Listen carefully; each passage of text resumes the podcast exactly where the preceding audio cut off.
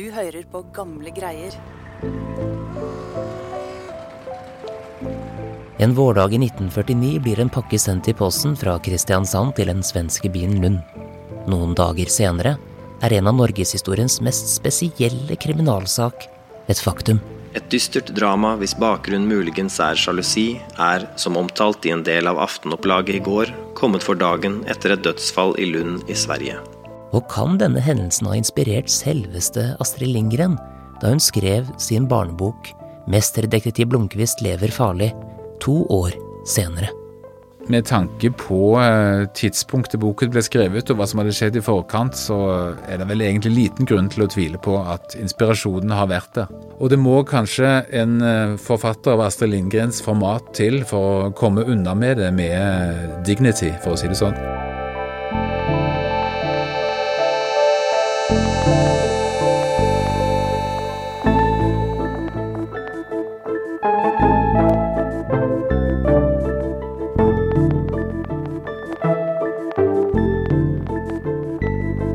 Velkommen til Gamle greier. Podkasten hvor vi her på Nasjonalbiblioteket gir deg historier fra samlingen vår. Mitt navn er Lars Hammeren Risberg.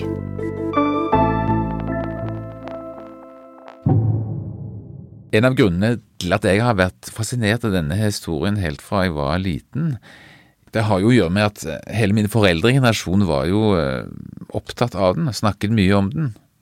Dette var en tid med mindre forhold og mer oversiktlige forhold enn i dag. Bent Kvalvik, filmarkivar her på Nasjonalbiblioteket. Og jeg tror nok at eh, Astrid Lindgren også var direkte inspirert av saken. Det kan det neppe være noen tvil om. Og før vi tar akkurat den praten der, Bent, så må vi først høre hele historien til denne saken. Og vi har jo gitt uh, disse personene nye navn i denne episoden, bare så lytterne vet det. Hva var det som egentlig skjedde?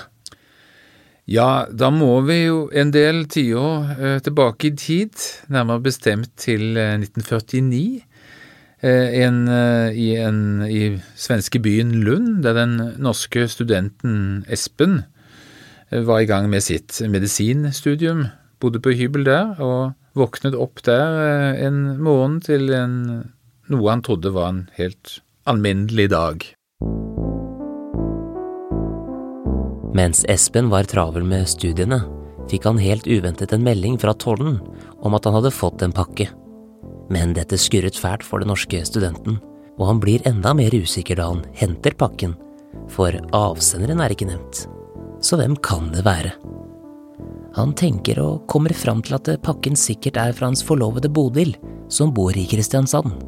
Så han åpner gaven, som inneholder et skrin med blant annet sjokoladekonfekt og et brev. I brevet anmodes Espen til ikke dele pakken eller fortelle det til noen. Men hvorfor skal han ikke kunne dele konfekten med noen andre?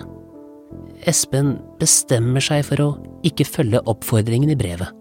Han deler heller sjokoladen med studiekameraten, som for øvrig er Bodils bror. Litt senere får også to nabojenter smake på konfektsjokoladen fra Norge.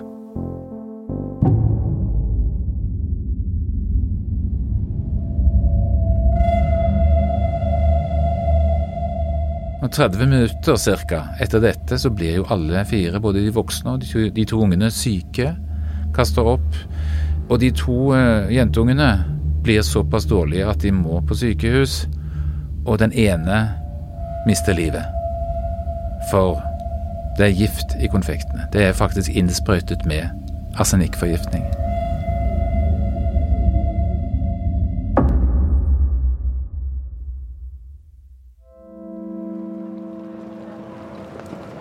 Et dystert drama hvis bakgrunn muligens er sjalusi, er, som omtalt i en del av aftenopplaget i går, kommet for dagen etter et dødsfall i Lund i Sverige. En åtte år gammel pike døde etter å ha spist sjokolade, som så vidt man kan skjønne må ha vært forgiftet. Og hva tror du hadde skjedd dersom Espen hadde gjort det som sto i brevet og spist alt selv? Ville det vært nok gift til å ta livet av et voksen menneske? Det er all grunn til å tro at han da ville ha mistet livet selv hvis han hadde spist alle fire konfektene. Så det er jo ingen tvil om at dette her var en meget gjennomtenkt mordplan, rett og slett. Politiet grep straks fatt i saken og begynte å undersøke den mystiske pakken. Kunne det ligge noen spor i konfekten, brevet, skrinet eller gavepapiret som kunne avsløre morderen?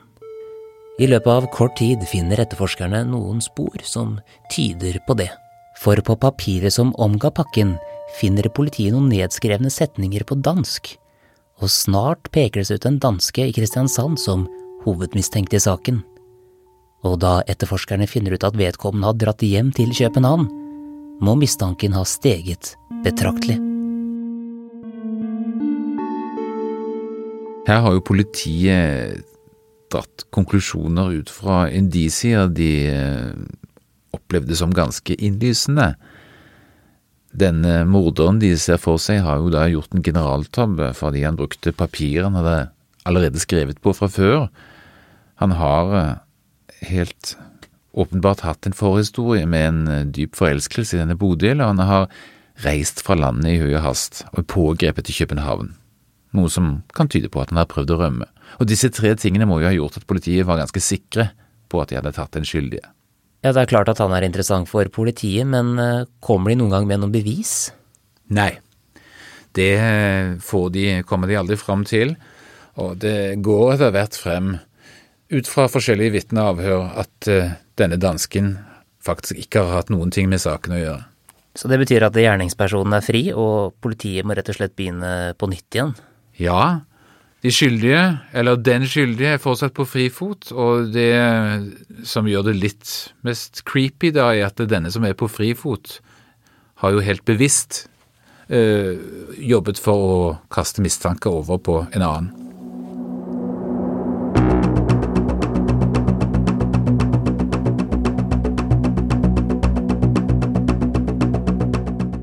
Krimgåten som først så ut til å være løst, skal vise seg å bli mer komplisert enn det politiet innbilte seg. Slik saken står nå, så har morderen lurt etterforskerne trill rundt. Og kanskje var politiet bekymret for at de sto overfor den perfekte forbrytelse. En gjennomtenkt plan der gjerningspersonen hadde plassert såpass mange feller at vedkommende aldri ville bli tatt. Men så dukket opp en person som ble svært interessant for politiet. Via vitneavhørene da, blant annet med Bodil, så kommer jo politiet etter hvert uh, i viten om at uh, det er en annen aktuell person å mistenke i denne saken. En uh, medstudent av Bodil på lærerskolen, en flink ung mann fra Vestlandet. og han har også etter eget utsagn fått uh, forgiftet uh, konfekt i posten, og spist av den og blitt syk. Og hvis det stemmer, at også han er blitt forgiftet, så har jo politiet en uh, virkelig komplisert sak. Og da er det virkelig grundig lurt trill rundt.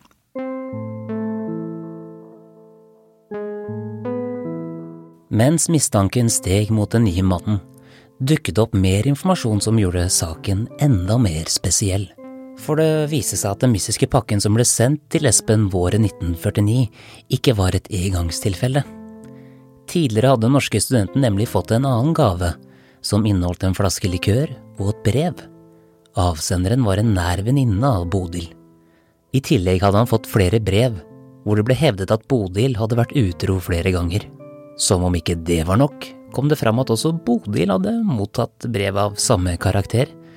Men eh, her var avsenderen en svensk kvinne, og hun hevdet at hun og Espen hadde fått et barn sammen. Men her er det mye å ta tak i. Bodil hadde aldri hørt om denne kvinnen som angivelig var hennes venninne. Hun eksisterte ikke i virkeligheten, og Bodil var ikke utro mot Espen. Og Espen hadde heller ikke bedratt Bodil og han hadde iallfall ingen barn med en svensk kvinne. Uansett var det ganske åpenbart nå for politiet at den eller de som sto bak, hadde over lengre tid prøvd å ødelegge dette forholdet. Men dersom politiets nye hovedmistenkt også hadde blitt forgiftet, kunne etterforskningen videre bli svært komplisert.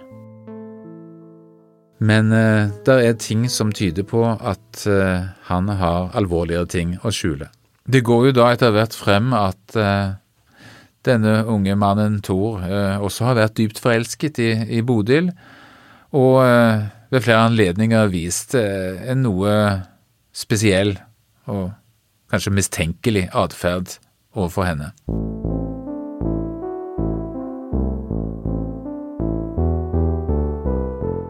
Blant annet ble det jo satt inn en falsk forlovelsesannonse i Stavanger Aftenblad mellom eh, Bodil og, og Thor. Og Thor stilte seg jo like uforstående til dette som Bodil gjorde, og, og skjønte kunne ikke begripe hvem som kunne ha gjort det. Men etter langt og intenst politiarbeid og nye avhør, så bryter jo Thor til slutt sammen og innrømmer at det er han som både har satt i den falske forlovelsesannonsen og sendt pakkene med forgiftning til Sverige.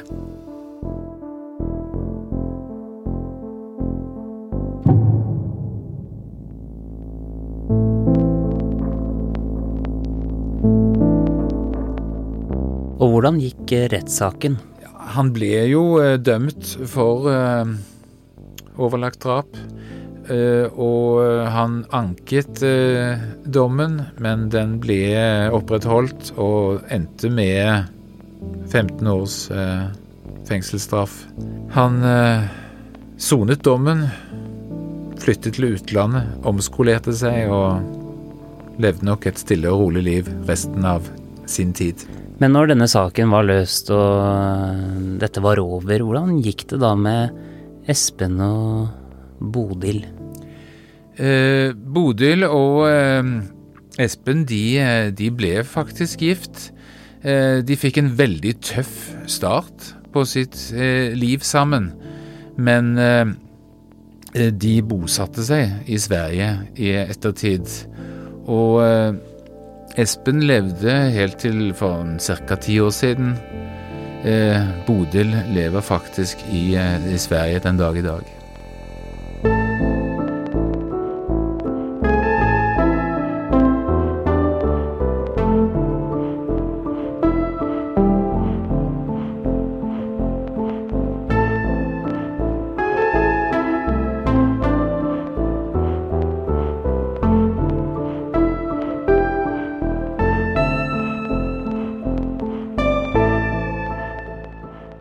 Så det er denne historien, men du er helt overbevist om at Astrid Lindgren har vært eh, inspirert av da hun skrev eh, en av sine barnebøker. Men vi forbinder jo Astrid Lindgren med koselige bøker sånn som Emil Lønneberget, Pippi Langstrømpe, Karlsson på taket. Hvordan kan denne brutale kriminalsaken ha inspirert henne til å skrive en barnebok? Ja, nå var jo dette en sak som eh, ble en stor snakkis både i Sverige og Norge, i og med at det var både nordmenn og svensker involvert i den. Og eh, Astrid Lindgren skrev da en eh, barnebok i eh, 1951 som het eh, Mesterdetektiven lever farlig. Og der eh, Det som skjer der, det er at en ung jente 11-12-årsalderen ser et mord, og um, i ettertid så eh, får hun masse blomster og gaver som trøst fra, både fra kjente og ukjente, og blant annet så får hun pakke sjokolade. Og dette viser seg jo å være en anonym eh, sending fra morderen. For den sjokoladen er jo da forgiftet. Hun spiser den ikke, hun eh, gir den bort til noen venner som bare spiser litt av den, og til en hund som spiser litt av den. Alle blir syke, men ingen dør. Men det som er litt spesielt eh, med denne boken i forhold til kriminalsaken, er at det er jo en liten jente som får forgiftet konfekt. Og eh, det er ganske mye som tyder på at Astrid Lindgren har vært eh, inspirert av konfektmordersaken, som var tross alt såpass kort tid før denne boken kom. Og så ble det jo en filmatisering av boken etter hvert, og der er det én scene du har lyst til å trekke fram nå. Hvilken scene er det?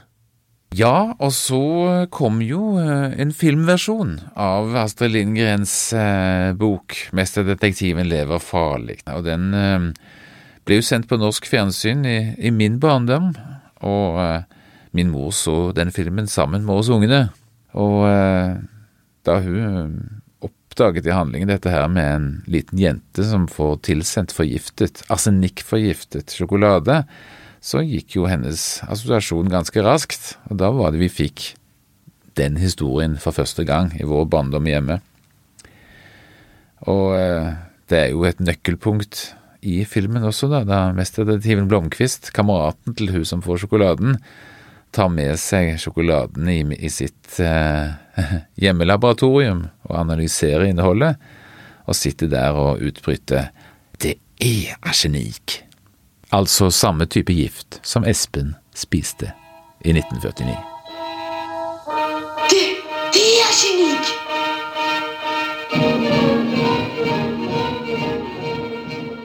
Med tanke på eh, tidspunktet boken ble skrevet og hva som hadde skjedd i forkant, så er det vel egentlig liten grunn til å tvile på at inspirasjonen har vært der. Og det må kanskje en eh, forfatter av Astrid Lindgrens format til for å komme unna med det med dignity, for å si det sånn.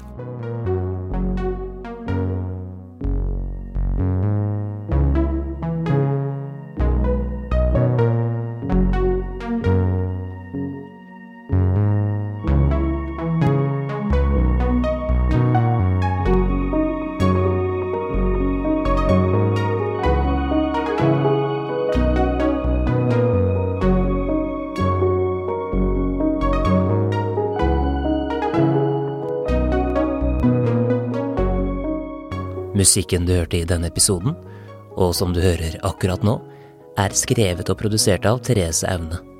Du finner mer av hennes musikk på thereseaune.com, eller der hvor du strømmer musikk til vanlig.